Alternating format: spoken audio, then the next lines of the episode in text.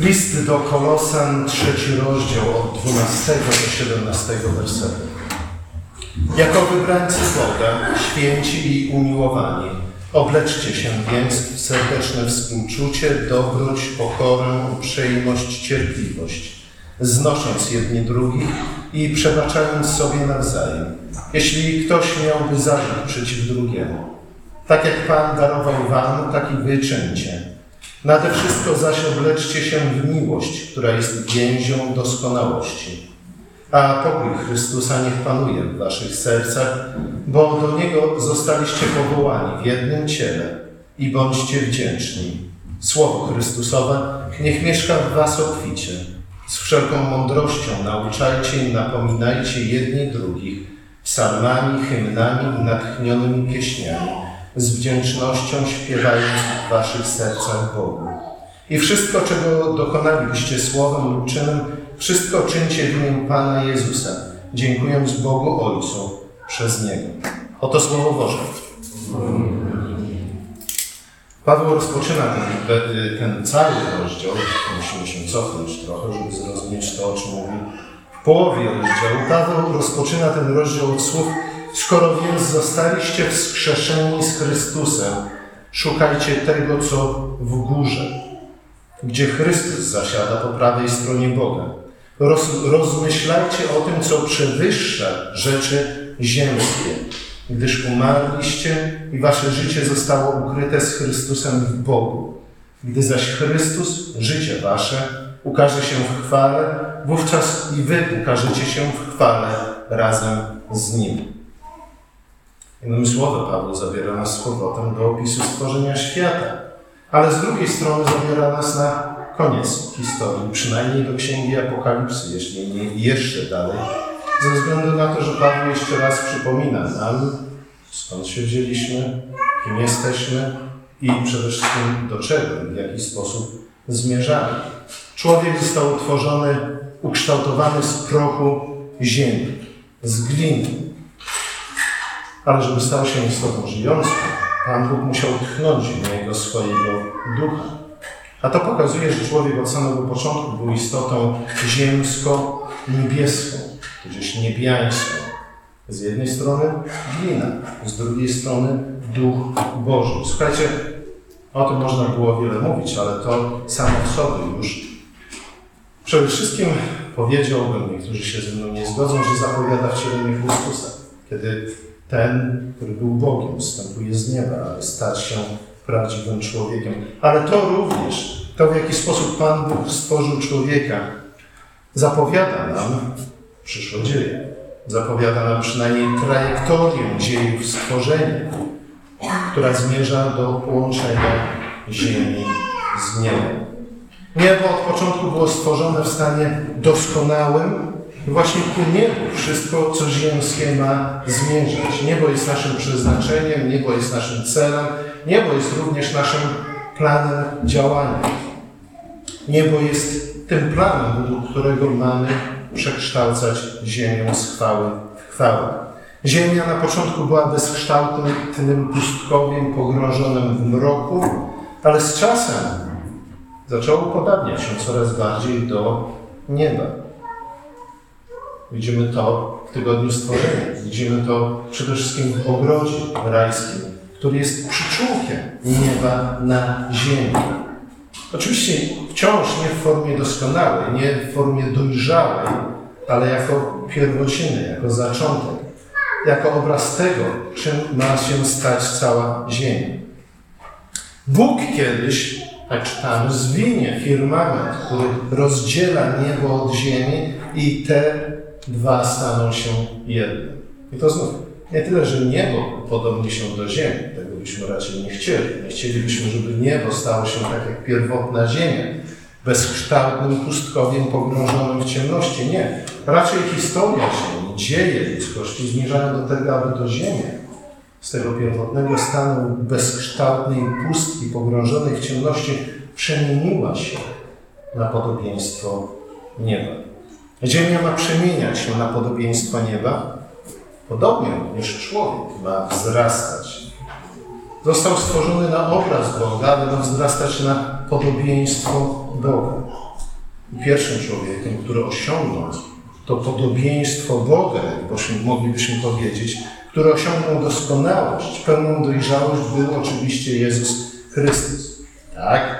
Wiemy, że był prawdziwym Bogiem i prawdziwym człowiekiem, a jednak Ewangelie mówią nam o tym, że wzrastał w łasce u Boga i ludzi. Jest w tym pewna, pewna tajemnica. Niemniej jednak właśnie w Chrystusie widzimy tego pierwszego człowieka, który poprzez różnego rodzaju próby, nawet cierpienia, dochodzi do doskonałości. Słuchajcie, teraz, bo patrzę właśnie o ten schemat, apostoł wzywa również nas do wzrastania na podobieństwo Chrystusa. Mamy stawać się coraz bardziej ludźmi niebieskimi, odwzorowującymi w swoim życiu, w swoim postępowaniu, ale może jednak przede wszystkim w swoich pragnieniach, w swoich tęsknotach, a także w naszych instynktach, to, co widzimy w Chrystusie. Abyśmy reagowali na to, co nas spotyka, tak jak Chrystus. Abyśmy również dążyli do tego, do czego dążył Chrystus. I przede wszystkim, abyśmy, abyśmy dążyli do tego w sposób, w jaki dążył Chrystus. Jednak Paweł mówi, słuchajcie, cały czas istnieje pewne zagrożenie, również dla nas, dla nas, którzy wyznajemy wiarę Chrystusa, którzy zostaliśmy z Nim zjednoczeni w chrzcie. Istnieje zagrożenie, że zamiast naśladować Chrystusa, pójdziemy raczej w ślady Adama, zwłaszcza tego, co Adam dokonał pod drzewem poznania. I jak stwierdził już co najmniej Ireneusz z Dionu, zwycięży w nas nasza dziecięca natura. Pokażemy zniecierpliwienie, ulegniemy pokusie, zaprzedamy całą naszą przyszłość po to, żeby zaspokoić nasze obecne pragnienia. Można nawet potrzeby czasami, ale zazwyczaj są to nasze pragnienia. I tak zamiast wzrastać na podobieństwo Stwórcy, upodobnimy się do węża. Zamiast wyrywać się ku niebu, jak trawa na wiosnę, upodobnimy, upadniemy z powrotem proch ziemi. Słuchajcie, tu musimy pamiętać o tym, że takie cofnięcie się nigdy w Biblii nie jest przedstawiane jako coś neutralnego, po prostu o, powrót do punktu wyjścia. Nie, zawsze wtedy, kiedy Pismo Święte mówi o tym, że ziemia, narody albo ludzie wracają do tego pierwotnego stanu pustej bezkształtnej pustki pogrążonej w ciemności. Oznacza to rozkład tego, co dobre, w to, co złe. Słuchajcie, zawsze rozkład tego, co dobre prowadzi do zła. Zatem nie chcemy upaść z powrotem w proch ziemi. Nie chcemy wracać się do tego punktu wyjścia, ale chcemy dążyć do celu, który Pan Bóg ustanowił dla nas już na samym początku. Słuchajcie, Paweł dalej mówi, że skutkiem odmowy wzrastania na podobieństwo Chrystusa jest to, o czym Paweł właśnie pisze w dalszej części rozdziału. Nierząd, nieczystość, uleganie namiętnościom i złym pragnieniom oraz chciwości, która jest bałwochwalstwem, a także, jak kontynuuje apostoł, nieposkromiony gniew, rozdrażnienie, złość, bluźnierstwa, obumowy, wzajemne okłamywanie się. Na tym właśnie polega powrót do stanu pierwotnego. Powrót do stanu prochu, który, z którego pierwotnie zostaliśmy ukształtowani. I jak w ten sposób na to spojrzymy, nikt z nas raczej nie chciałby się tam znaleźć, ale z drugiej strony Paweł w tym liście do Kolosan, ale także w innych listach podaje nam wiele przykładów tego, iż ludzie dokładnie to czynią. Zamiast zmierzać ku pełni Chrystusowej, popełniamy nierząd, popełniamy nieczystość, ulegamy naszym namiętnościom. Słuchajcie, niech podniesie rękę ten, kto nigdy nie uległ własnym namiętnościom. E tego na pewno rzucimy kamienie. Nie ze względu na to, że będzie oczywistym kłamcą. Każdy z nas to czyni. Każdy z nas to czyni. Z jednej strony mówimy, nie, nie, nie. Zależy nam na dobru, zależy nam na pięknu, zależy nam na prawdzie. Ale na co dzień, niestety, Nadal postępujemy jak ci, którzy zmierzają nie ku niebu, ale raczej ku piekłu. Słuchajcie, jak poświadcza Biblia, ku temu właśnie, do takiemu stanu, jak Paweł tu opisuje, zmierzały wszelkie cywilizacje, wszelkie wspólnoty, wszelkie rodziny, wszelkie jednostki, które odmawiały wzrastania na podobieństwo Stwórcy, zatem odmawiały uczestnictwa w tym Bożym planie przemiany świata na podobieństwo, czy też przemiany ziemi na podobieństwo nieba, a także wzrastania na obraz, na podobieństwo tego, na obraz kogo zostaliśmy stworzeni. Ku temu zmierzały cywilizacje, wspólnoty, rodziny, jednostki, które zamiast wyciągać się ku niebu, ulegały ziemskim namiętnościom, które, jak mówi Paweł, których Bogiem stał się brzuch, a zatem pragnienie natychmiastowego, jak najszybszego zaspokojenia naszych namiętności, naszych pragnień, naszych potrzeb. Są to te grupy i te jednostki, w których każdy czyni to, na co ma ochotę, na przykład. Jest to miasto Kaina, jest to miasto Lameka, w których teoretycznie nikt z nas nie chciałby mieszkać, ale jednak tak często właśnie takie miasta budujemy. Zamiast tego, mówi apostoł, mamy okryć się głębokim miłosierdziem. I o tym dzisiaj będzie więcej na katechezie. Mamy okryć się głębokim miłosierdziem, łagodnością, pokorą, delikatnością, cierpliwością. Mamy żyć ze sobą w zgodzie i przebaczać sobie wzajemnie, a wszystko to z miłością, która jest więzią doskonałości. I wtedy właśnie w ten sposób zamieszka między nami pokój Boży i będziemy mogli cieszyć się pokojem Bożym. Musimy oczywiście pamiętać o tym, iż pokój Boży nie oznacza tylko i wyłącznie braku wojny, ale tak naprawdę pokój Boży oznacza stan, w którym jesteśmy w stanie co zrobić? To wszystko, o czym nam Pismo Święte ukazując nam obrazy pełni królestwa. Zbudować domy, w niej zamieszkać, zasadzić winnice i cieszyć się ich owocem. Wydać na świat dzieci patrzeć, oglądać jak dojrzewają. Zamieszka wtedy między nami pokój Boży. Słuchajcie, czasami nam się wydaje, że ten pokój Boży to jest trochę tak jak ten duch wyskakujący z maszyny. E, nie. Czasami wydaje nam się, że jest to coś, co w jakiś sposób, w którym nie mamy absolutnie żadnego udziału, spada na nas. Ni stąd, ni z owąd. Ale Paweł mówi, słuchajcie, jeśli chcecie cieszyć się pokojem Bożym, to właśnie tacy powinniście być. Do tego przynajmniej powinniście dążyć. Do miłosierdzia, łagodności, pokory, delikatności, cierpliwości. To ciekawe, że gdy patrzymy na to wszystko, o czym tutaj apostoł mówi, czasami łagodność, pokora, delikatność wydają nam się cechami ludzi słabych. Dlatego często, aby pokazać, że jesteśmy silni, to się dzisiaj modnie mówi, asertywni, odrzucamy łagodność, pokorę, delikatność zwłaszcza, nie? Żaden facet nie chce być delikatny. Czy na pewno? Czy na pewno? Ci, którzy są delikatni, raczej na nich spoglądamy jako zniewieściałe. Ale czy na pewno o to chodzi? Być może sami uważamy ludzi łagodnych, pokornych i delikatnych za słabych, wręcz za miałkich, którzy nie są w stanie zabiegać o swoje, a już na pewno nie są w stanie zabiegać o to, co o to, co powinni zabiegać e, w kontekście na przykład swoich rodzin. To jednak wydaje mi się być wielkim niezrozumieniem, czy też wielkim nieporozumieniem, niezrozumieniem tego, o czym tutaj mowa. Kiedy nieco dłużej zastanowimy się nad tą łagodnością, delikatnością, cierpliwością, to stwierdzimy, że jest wręcz odwrotnie, że to są właśnie cechy ludzi silnych. To są właśnie cechy ludzi niezłomnych. Mówiliśmy trochę o tym, omawiając błogosławieństwa. Jeszcze o tym pewnie będziemy mówić. Zwłaszcza jeśli wyrazimy te same cechy przy pomocy ich synonimów, takich jak opanowanie, dyscyplina, niezłomność.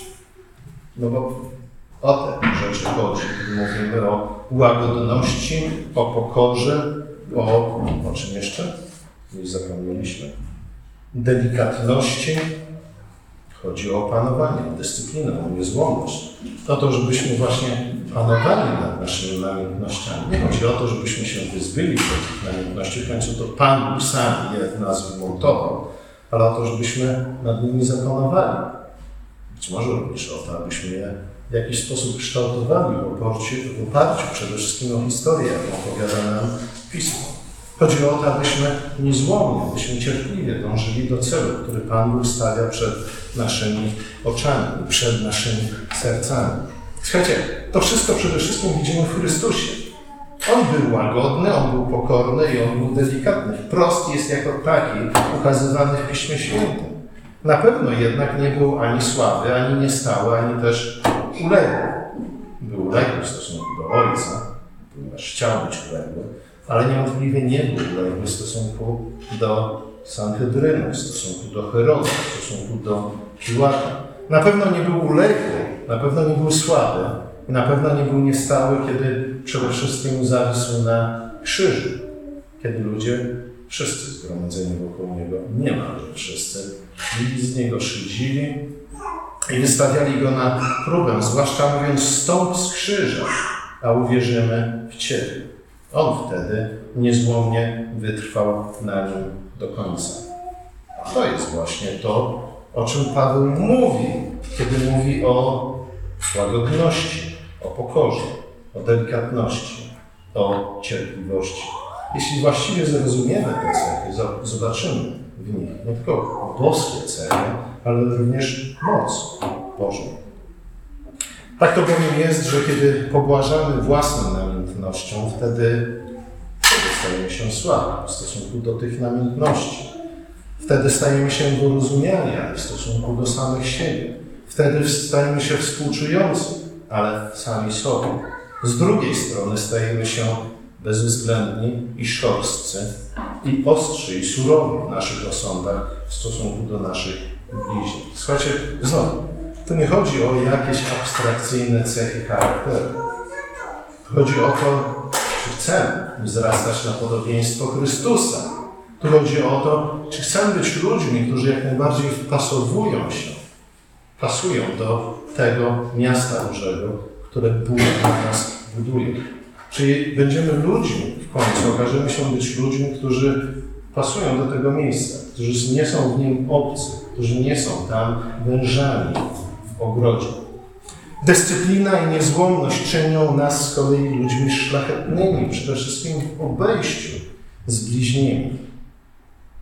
I znowu, koniec końców musimy pamiętać, powinniśmy chyba też przyznać, jeśli stać nas na odrobinę szczerości w stosunku do samych siebie, że jednak lepiej jest mieszkać w mieście ludzi szlachetnych niż ludzi porywczych.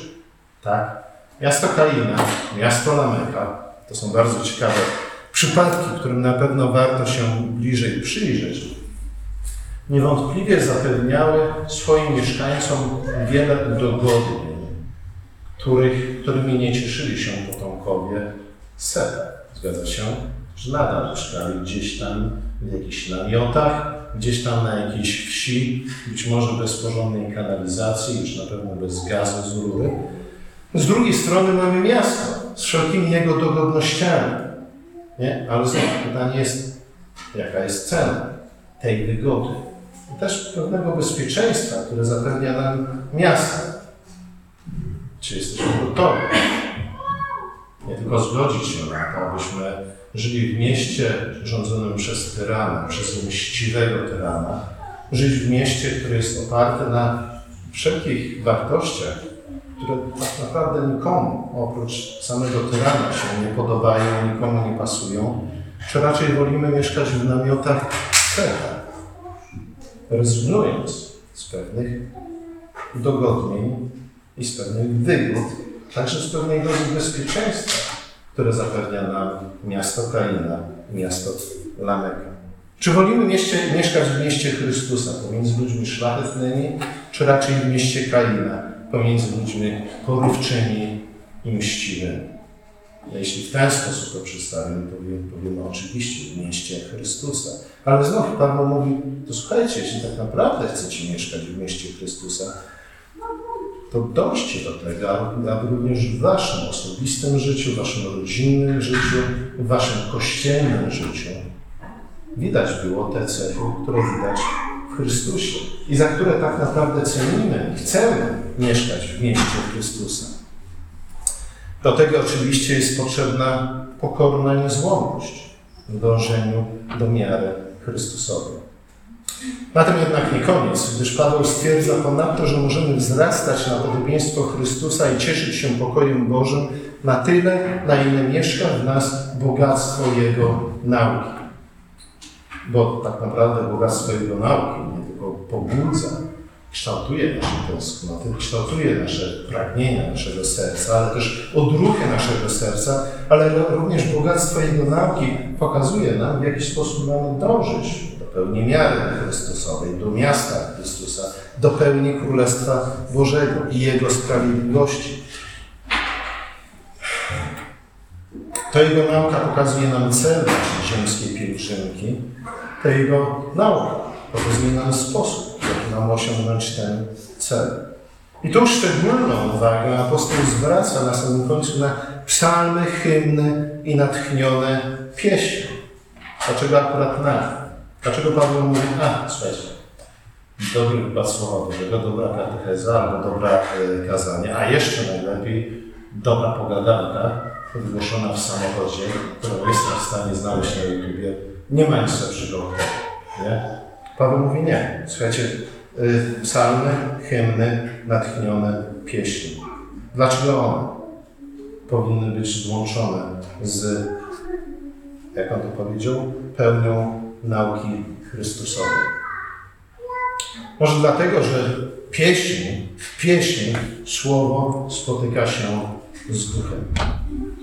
Z jednej strony mamy strukturę słowa. Nie każde słowo, każdy język posiada pewną strukturę. Widzimy, że ta struktura Słowa Bożego, Boga Słowa, drugiej osoby Trójcy Świętej, tego Słowa wypowiedzianego przez Boga Ojca, zostaje odciśnięta nie tylko na niebie, które zostało stworzone pierwotnie w stanie doskonałym, ale również powoli zostaje odciskane również na ziemi, która pierwotnie była bezkształtną pustką pogrążoną w ciemności. Z drugiej strony wiemy, że muzyka również posiada swoją własną strukturę, zgadza się? Dlatego trzeba się uczyć matematyki. Nie tylko dlatego, żebyśmy nie ulegli pokusom socjalizmu i marksizmu, ale z drugiej strony, żebyśmy może trochę lepiej byli w stanie docenić muzykę. Ale także, żebyśmy byli lepszymi chrześcijanami. Zgadza się, o to chodzi. Tak naprawdę wszystko sprowadza się do matematyki. Przesadzam to. A słuchajcie, muzyka ma swoją własną strukturę, zgadza się. Bez struktury, bez matematyki nie byłaby absolutnie żadnej muzyki. Byłaby co najwyżej kakofonia. Często bierzemy za muzykę, ale to nie jest muzyka. Wierzcie. Mamy zatem jakby podwójne świadectwo, strukturę słowa i strukturę muzyki, ale z drugiej strony musimy pamiętać o tym, że kiedy Pismo Święte mówi nam o muzyce i mówi nam przede wszystkim o pieśni, psalmach, hymnach, natchnionych, pieśń, natchnionych pieśniach, to mówi nam przede wszystkim o mocy Bożej, o, o mocy Bożej, o mocy, którą reprezentuje Duch Święty. Słuchajcie, dlatego Paweł e, w paralelnym fragmencie z listu, z którego listu ktoś pamięta? Ja wiem, że raczej pamięta, ale czy pamiętacie? Nie? E, Efezjan, jakby co. E, porównuje działanie muzyki, zwłaszcza pieśni, nie? a więc słowa połączonego z muzyką do działania alkoholu. Nie? I ja wiem, że przy pomocy alkoholu jesteśmy w stanie się upić. Być może nie powinniśmy tego czynić. Pismo przed również nas przestrzega, ale kiedy, kiedy prześledzilibyśmy działanie alkoholu w Piśmie Świętym, to zauważamy, że tak, oprócz pijaków, których zwłaszcza często czytamy w Księdze Przysłów, tak naprawdę działanie alkoholu w Piśmie Świętym jest jak najbardziej pozytywne, ze względu na to, że to ono jest napojem, które w odpowiedniej ilości, w odpowiedniej dawce, co robi, pobudza nas. Nie? Pobudza nas do działania, pobudza nas do walki sprawia, oczywiście pewnych ilościach również nas rozwesela, ale słuchajcie, ta radość połączona z pobudzeniem do działania, z pobudzeniem do walki, to jest zwykłe działanie alkoholu, o którym czytamy w Piśmie Świętym. I dlatego Paweł w liście do Efezjan mówi, nie, nie upijajcie się może winem, ale pobudzajcie się raczej, upijajcie się pieśniami, które Bóg nam dał. Przede wszystkim psalmami, hymnami natchnionymi pieśniami, ale z tymi wszystkimi pieśniami, które znajdujemy w Piśmie Świętym. Ze względu na to, że one są siedliskiem, może nie siedliskiem, ale one są narzędziem, one są tym wehikułem, przy pomocy którego Pan Bóg dostarcza, wlewa w nasze serca moc Bożą, moc samego Ducha Świętego. Słowo spotyka się z duchem właśnie świętej pieśni. I dlatego te święte pieśni są tak bardzo ważne. Jeśli chcemy nie ulec, ale jeśli chcemy niezłomnie i cierpliwie dążyć. Nie tylko do tego, co moglibyśmy z grubsza na- nazwać stanem doskonalenia, oczywiście w zrozumieniu, jeśli chodzi nam o upodabnianie się do Chrystusa, ale również niezłomnym cierpliwym dążeniu, a także mądrym i rozumnym dążeniu do pełni Królestwa Bożego.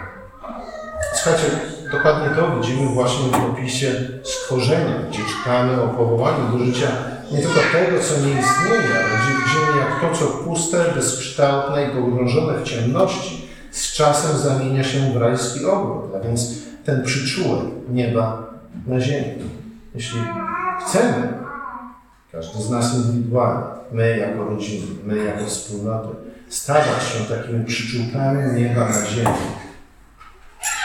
to Paweł mówi najlepszym sposobem na to, może nie jedynym, ale sposobem, do którego na pewno powinniśmy często i gęsto sięgać, jest właśnie słowo połączone z duchem, a więc psalmy, hymny i natchnione